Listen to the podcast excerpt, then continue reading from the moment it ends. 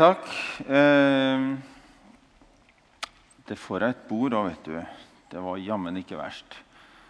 God søndag, alle sammen. God tredje søndag i advent.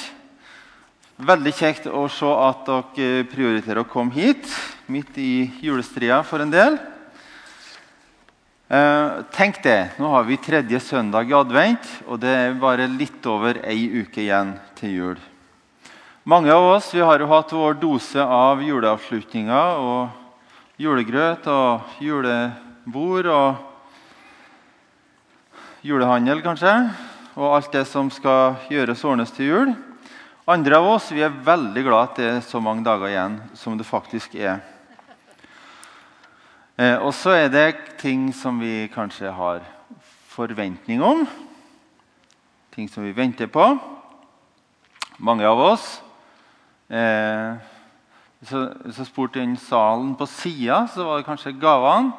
Eh, men for oss, hvis dere er sånn som meg, så gleder jeg meg kanskje mest til å ha noen late morgener eh, med sein frokost eh, og dere ikke, dere ikke skal noen ting. Eh, dere skal få lov til å lene meg ned eh, og, og, slappe av etter et hektisk semester. Lad batteriene til et nytt og spennende semester. Og så ser vi gjerne fram til å feire Jesus. da. Både synge julesangene, høre juleevangeliet, fyll fylle oss sjøl med undring. Eh, og stoppe opp og tenke over hva er det vi tror på? Hva er det vi feirer? Hvem er det vi feirer? Og hvem er det som vi har lagt til grunn for vårt liv? Kanskje noen her som eh, nettopp denne jula eh, feirer Jesus for første gang når vi nå skal feire jul. At Gud ble menneske, tok bolig blant oss. At Jesus så å si flytta inn i nabolaget,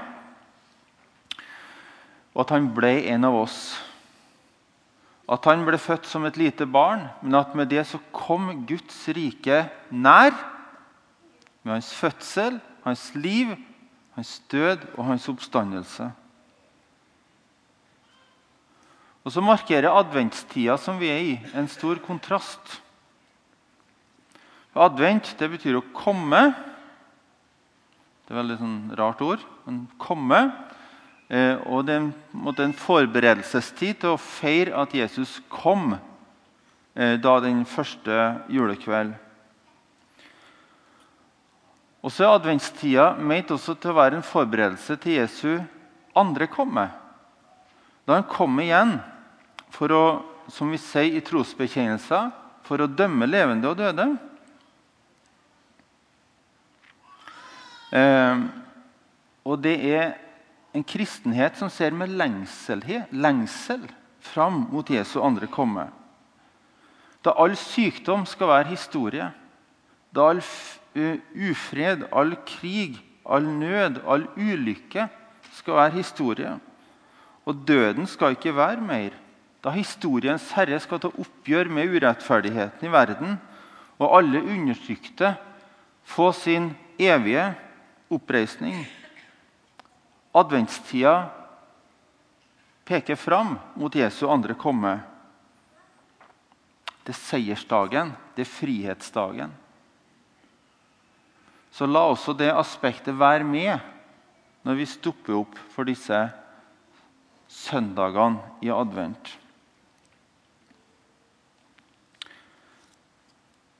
Og så er det et tredje komme dere som er teologer, dere kan jo det her, men jeg tenkte det var greit å si det. Eh, nemlig det at Jesus kommer nå, i dag, til alle de som tror. Han kommer hit, kommer inn til mitt hjerte, inn i mitt hjerte og mitt sinn. Og Jesus, jeg vil lukke opp for deg her inn, et eller annet sånt, sang dere. Um, Jesus har brutt inn i tida og han har brutt inn i historien med Guds rike, med det vi venter på, på hans andre komme, det bryter han inn med det, Han kom inn i verden, og han bryter inn i vårt liv med det når vi åpner opp for han og sier Ja, Jesus, velkommen. Jeg vil, jeg vil være din. I dag har vi kommet til kapittel 5 i Markus-evangeliet. Jeg skal sette det litt i kontekst. Det er fortsatt nokså tidlig i Markus-evangeliet. Så han har ikke begynt å sende ut disiplene ennå for å gjøre så veldig mye. Det er mer at Han har kalt dem inn til seg, og så gjør Jesus en del ting. Og Det han viser med det han gjør, det er en konkretisering av programtalen hans som han har egentlig i kapittel 1, vers 15. Da sier han tiden er inne, Guds rike er kommet nær. Omvend dere og tro evangeliet. Og så er egentlig hele hans liv en demonstrasjon av hva det vil det si at Guds rike er kommet nær. Og Vi som går på akta 2, skulle jeg si, jeg føler jo jeg går litt på akta 2 sjøl, for jeg lærer veldig mye når jeg underviser nytt stoff.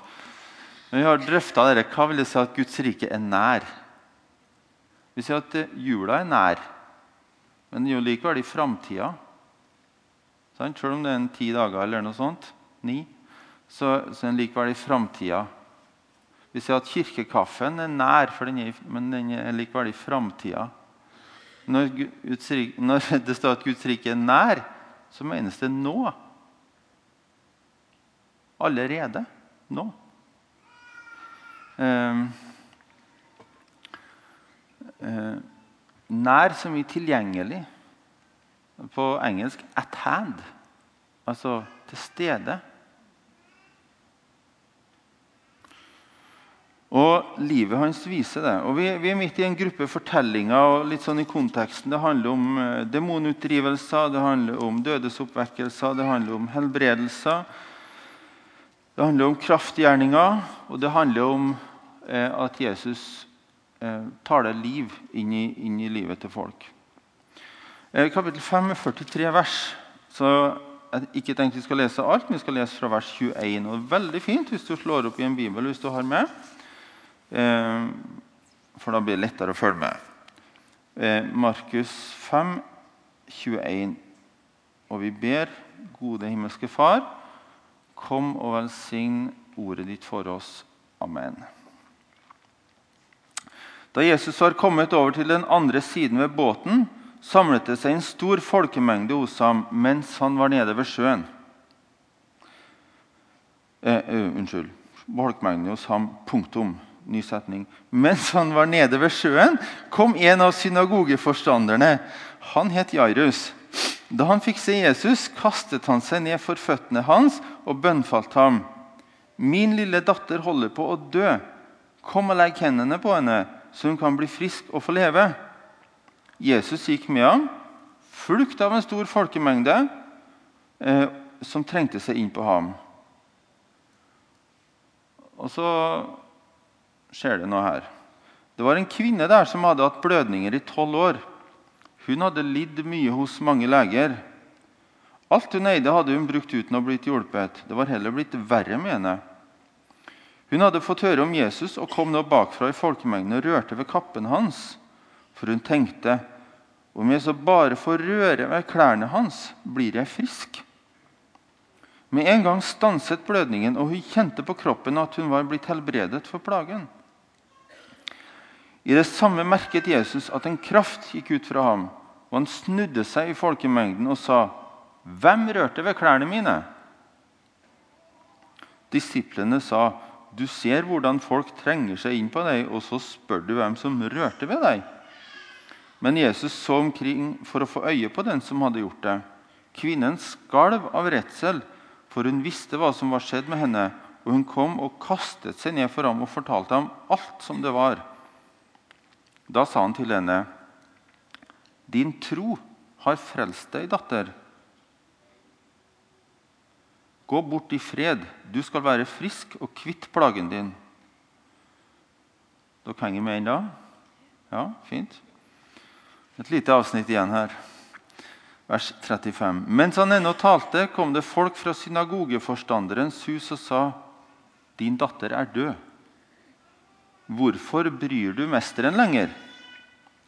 Jesus hørte det som var sagt, og sa til synagogeforstanderen, 'Frykt ikke, bare tro.' Nå lot han ingen andre følge med enn Peter, Jakob og Johannes, Jakobs bror. Da de kom til synagogeforstanderens hus og så alt oppstyret og folk som gråt og jamret seg, gikk han inn og sa til dem, 'Hvorfor støyer og gråter dere?' Barnet er ikke dødt, hun sover. De bare lo av ham. Men han drev alle ut og tok med seg barnets far og mor og dem som var med ham, og gikk inn der barnet lå.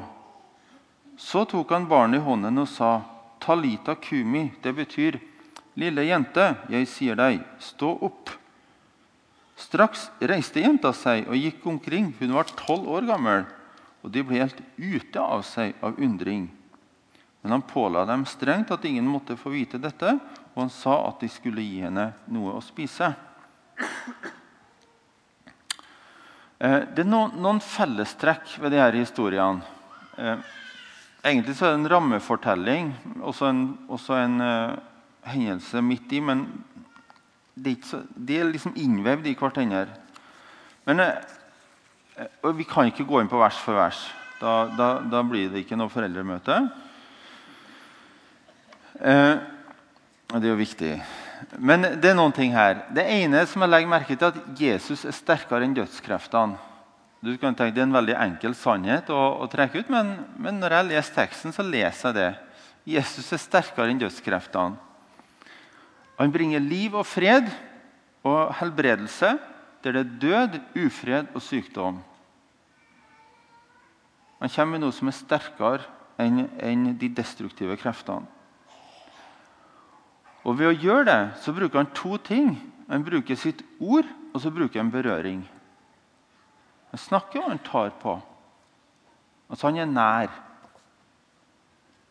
Helt konkret nær.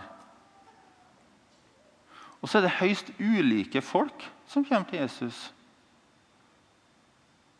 Veldig forskjellige. Eh, det er ulik stand og stilling i samfunnet. Hun Kvinna som hadde hatt blødninger i tolv år Det var ikke bare det at hun hadde eh, Jeg skulle ikke si at det rant ifra i tolv år. Men, var, altså, men, men, hun var kultisk urein. Sånn at hun var utafor fellesskapet, på en måte. Eh, og, og, det at hun på en måte nærmest kamuflerte seg og liksom sprang bort til Jesus og ja, jeg, kan ikke, jeg, kan jo ikke, møte han, jeg kan jo ikke snakke med en mann. Jeg må liksom ta masse bad og vise meg for prestene og greier som det står om i Moseloven. Det nytter jo ikke. Nå må jeg bare få tak i fliken av kappen. Så visste hun at hun egentlig gjorde noe som ikke var lov, men hun, hun, hun gjorde det likevel. Så bare får, ah, så bare får Så kan du si ja, var kappa til Jesus så hellig, da? at han, altså, Vi går ikke inn på det.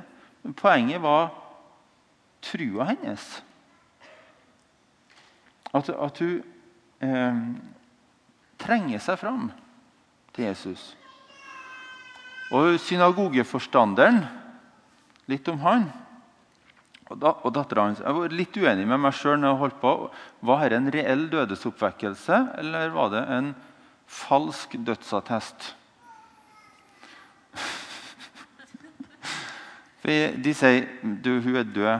Eh, du trenger ikke å plage, seg.' Jesus. Nei, hun, hun sover bare. Altså hva, er, altså, hva er greia her? Snakka Jesus sant, eller sa han det for å gi dem tru? Snakka han om det som at, at helbredelsen var Eller dødesoppvekkelsen var så sikker at den kom til å skje. Så det var som om hun sov. Eller hva var det for noen ting? Altså, det får, får vi ikke noe godt svar på. Eh, men, men eh, jeg velger å tro at de ikke tulla, de som kom i døra. At de, døra, at de visste det som At de visste hva en død person var. Eh, og at Jesus da snakker tru inn i den situasjonen. Det interessante er at de ler av en. Og at Jesus ikke bryr seg om å bli gjort til latter. Synagogeforstanderen, som har en høy stilling i samfunnet, bryr seg ikke om å bli gjort til latter. Her er det livet til dattera det står om. Han har hørt om Jesus, som kan gjøre noen ting, eh, sånn at hun berger livet. Eller vekkes opp igjen. Hva var det Jesus så som de andre ikke så? Det skal vi komme litt tilbake til. Og så er det noen ting som er felles her. Det handler om håp. Lengsel etter utfrielse. Og Da er det litt over på oss. Hva med å prøve Jesus? Hva med å gi Jesus en sjanse? Jeg er sikker på at eh, Jairus han la en haug med teologi til side i dette øyeblikket. Vi må ned til stranda. Der er Jesus. Han har gjort kraftige ting før. Han er redningen. Hva med faktisk å tro på riktig om Jesus? Hva med å velge å tro på det som de forteller som har hørt om Jesus, faktisk sier? Eh, nå jo, har vi jo sett filmen om Adrian her eh, og håper at mange har bestilt den. Hvis ikke er det, er det noen sjanse å bestille den. Dere kan kjøpe den etter gudstjenesten. Det er en film på 43 minutter. Eh, men eh, den virker veldig kort eh, og forteller om Adrian som får livet tilbake på en helt forunderlig måte. Får helsa tilbake. Og boka den, den er jo veldig god, og den går fort å lese. Men det tar lang tid å fordøye. Vi har hundrevis av helbredelser knytta til oss her på huset. Jeg overdriver ikke. Det, det, året vi begynte å gå ut på gata og be på akta og reise på teamturer, da vi begynte å be for syke Det er noen år siden. Når vi kom til slutten av det skoleåret, så Johannes han hadde telt alle helbredelsene. Johannes Vålandsmyr sa nå har vi 90 sånn. Det var på et halvt år. Litt over et halvt år. Det har blitt flere hundre. Våg å ta det inn. Eh, våg, våg, våg å la det utfordre. Og la bibelteksten vi har i dag, utfordre. Og hva med å sette denne trua i bevegelse? La det bli en bevegelse. Det ser vi i teksten. Hun Kvinna hun, hun tar, tar, noen skritt for å følge etter Jesus. Synagogeforstanderen går ned til stranda for å lete opp Jesus. Og Dietrich Bonhoeffer han sier at tro det er det første skrittet. Tro er det første skrittet. Når du har tatt det skrittet, da er du i bevegelse. Og da, og da viser du at du har tro. Så, som jeg har nevnt, de folkene de bryr seg ingenting, tydeligvis. Eller de bryr seg i hvert fall mindre om hva folk tenker om de, enn de bryr seg om å få et møte med Jesus. De, de legger det på vekta, og så Nei, det å få et møte med Jesus det utveier altså det veier mye tyngre enn den vanæren eventuelt måtte få. Så de trosser motstand. Og Det er ikke noe ventetid. Det er ikke noe, nå skal vi ha fire søndager i advent, og så skal vi møte Jesus. Nei, det er nå. Nå, Jesus. Nå. Kom nå. Jeg trenger det nå. Jeg trenger et under nå. Og En utfordring da er jo at hvis du var en av personene i dette berømte persongalleriet vi har her, eh, hvordan hadde du forholdt deg til Jesus?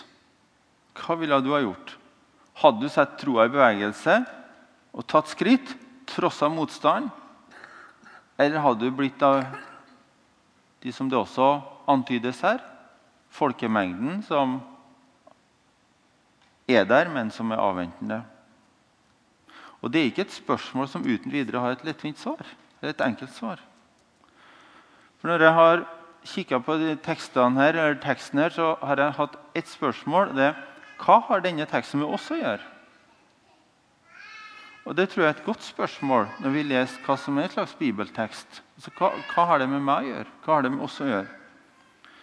Og det er spørsmålet Hvor kjenner vi oss igjen? Kjenner vi oss igjen i foreldrene til jenta? Kjenner vi oss igjen i denne kvinna? Kjenner vi oss igjen i de folkene der? Kjenner vi oss igjen i disiplene? Altså, og jeg tror at Historiene om Jesus og de historiene som Jesus forteller, de har så mange vinkler og fasetter og, og sånn at vi egentlig kan kjenne oss igjen i flere av de. Både samtidig og ved ulike faser av livet.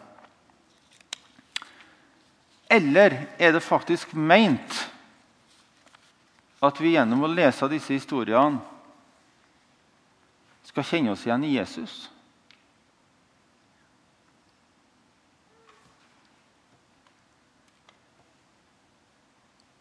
Er det meint at vi i disse historiene skal kjenne oss igjen i Jesus. I, i Johannes 14, 12, eh, så står det faktisk Sannelig, sannelig, jeg sier dere Den som tror på meg, sier Jesus, skal også gjøre de gjerningene jeg gjør. Ja, enda større gjerninger, for jeg går til min far. Så stiller spørsmålet, eller jeg påstår vel egentlig Er det sånn at vi skal ha Jesus som eksempel her? Og ikke misforstå meg, Det er en rekkefølge som er viktig. At vi tar imot Jesus først som gave, og så følger vi han som eksempel. Det, det er en viktig rekkefølge. Men det, la oss nå ikke glemme den siste viktige delen her. Og Da leser jeg noe spennende i denne teksten. Det er nemlig hva det Jesus ser, som vi ikke, eller som vi ikke ser med naturlige øyne. Hva slags virkelighet er det Jesus forholder seg til? Og Jeg har lyst til å starte der, med at vi følger etter Jesus i hva vi ser. I hva vi ser. Jo, han så behovet. Han så jenta som var, var død, han så uh, dama som var blødninger. Han så dem. Men han så også Guds virkelighet og Guds perspektiv. Han så ikke det umulige, men han så det mulige. Og ordet 'umulig' det er jo ikke et aktivt det er jo ikke med i det aktive vokabularet til Jesus. det er kanskje med det passive, men ingenting er umulig for Gud. Han så. Det andre gjorde han ved å elske. Eh, han brøyt opp fra en stor folkemengde, og, og, så, og så, gikk han til den der eh, jenta. Og han elska Gud og det han gjør. Og Det tror jeg, det tror er avgjørende viktig. At vi er glad i det som Gud gjør. At vi, at liksom, ja, det er det jeg velger, det er det jeg foretrekker. Det er det som er default i, i, i livet mitt. Altså det, det jeg velger når jeg ikke velger noe annet. Og så handler han. Han trosser omstendighetene. og Det er tydelig at han kjemper seg fram til denne jenta. En stor folkemengde som trenger seg på. Og Hvordan ser det ut å følge Jesus i dag i alt det her? Og Da, da er utfordringen altså hva ser du? Og Jeg har ikke lyst til at dere skal bli så fort ferdig med det spørsmålet heller. Eh, for det kan være mange ting. Men når vi leser bibeltekstene, når vi hører vitnesbyrdene, når vi fôrer oss med det som Gud gjør, så er spørsmålet hva, hva er det vi ser? Og hva, er det, og hva er det du, Gud, ser annerledes? Ofte når jeg, når jeg, har en bibeltekst, eller når jeg, når jeg hører om en hendelse Det kan være på nyhetene. Så, så, så, når jeg ber, så spør jeg Gud Gud, hva, hva tenker du om det her? Gud, hvordan ser du på det her? Og jeg, tror det er god bønn uh, å be.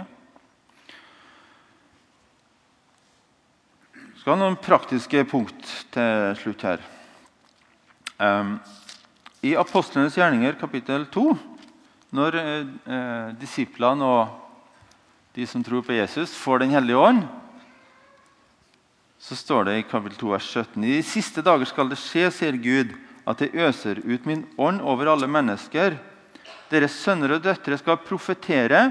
De unge skal hva tror dere det står? De unge skal Hva tror dere det står? De, de skal se. Ja, de skal se syn. Og de gamle skal drømme drømmer. Selv over mine slaver og slavekvinner vil jeg i de dager utøse min ånd, og de skal tale profetisk. Så det å bli fylt med Den hellige ånd det handler om å få åpne øynene og se inn i Guds virkelighet på mange måter. Det handler om mye annet òg. Det handler om kraftutrustning og alt det der. Men, men det starter med å se. Åndens bevegelse, en profetisk bevegelse, det vi ser, det som det fysiske øyet ikke ser. Men vi ser på Guds løsninger på de aktuelle problemene. Det er det ene. Det andre er som jeg tror er lurt, er at vi ser sammen med andre som ser det samme som vi ser etter. vi drømmer sammen med de som drømmer sammen med oss, og vi ser, det som, ser sammen med de som ser det samme. Og så er det å fòre seg med vitnesbyrdet, med fortellingen om Guds komme til verden. Hvordan så det ut, og hvordan ser det ut? Og Så handler det om å sette trua i bevegelse. Altså. Ta dette skrittet. Og ikke være en tilskuer eh, til, til, hva Gud gjør. Vær med på det. Eh, ett eller flere skritt i retning av det du ser. Og så eh, Nummer fem så jeg skrevet 'ikke vær redd for å ta feil'. Eh, grav ikke ned ditt pund. Ikke vær redd for å miste. Ikke vær redd for å dumme deg ut. Men, men, men bruk, bruk, det du ser. Bruk det du har. Eh, og det sjette punktet det er å ha det gøy mens du gjør det. Smil litt. Ikke ta deg sjøl så høytidelig.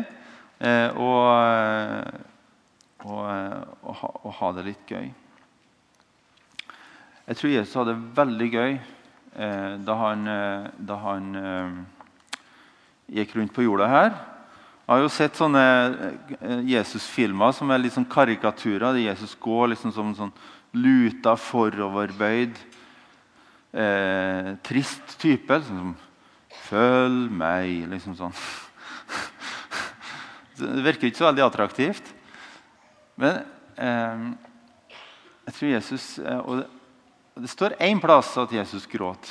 Eh, men tror Jesus var glad. Så kom med, kom med Guds rike til denne verden.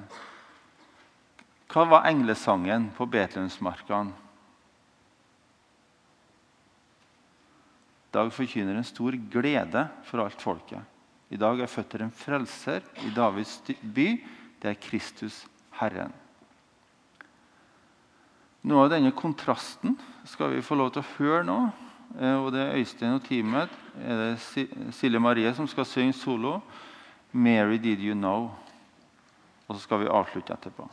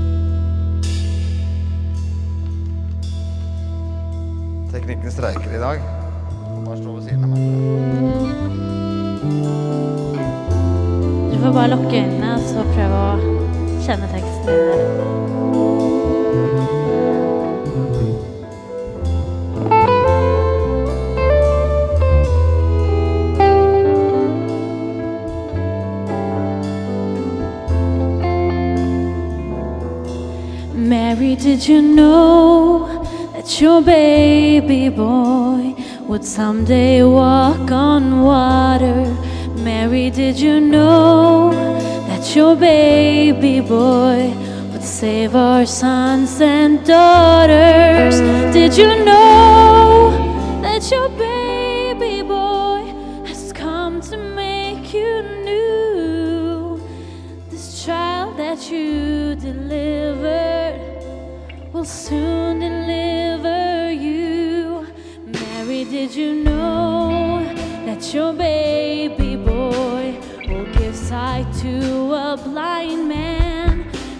you know that your baby boy would calm the sea with his hand? Did you know that your baby boy has walked where angels trod?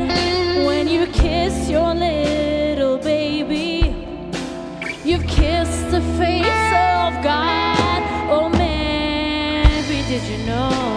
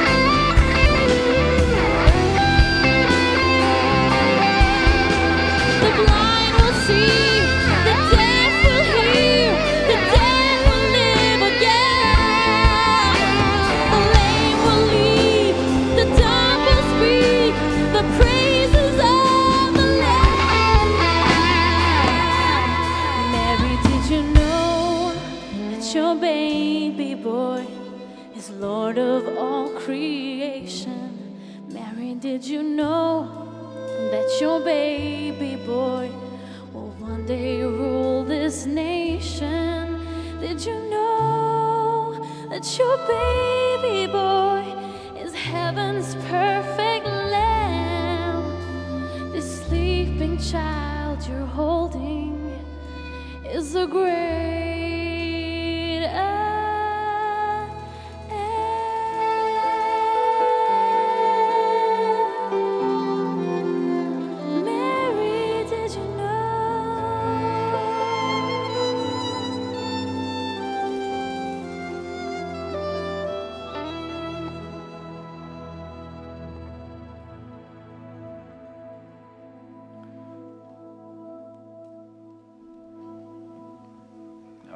klapp.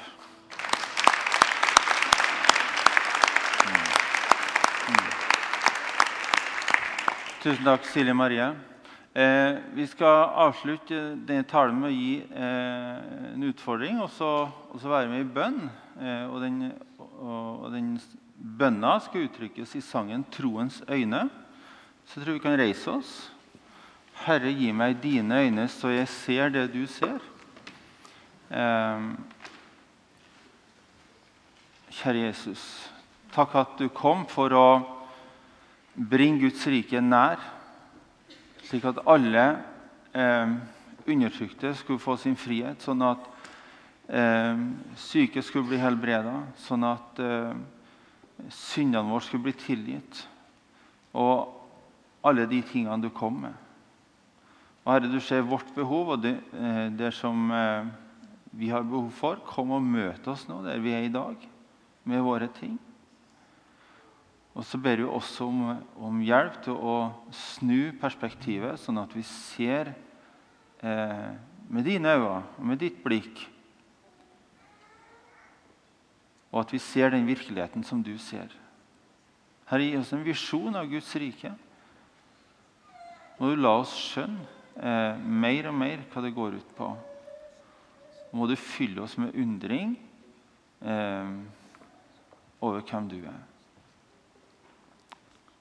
Amen. Vær så god, Øystein.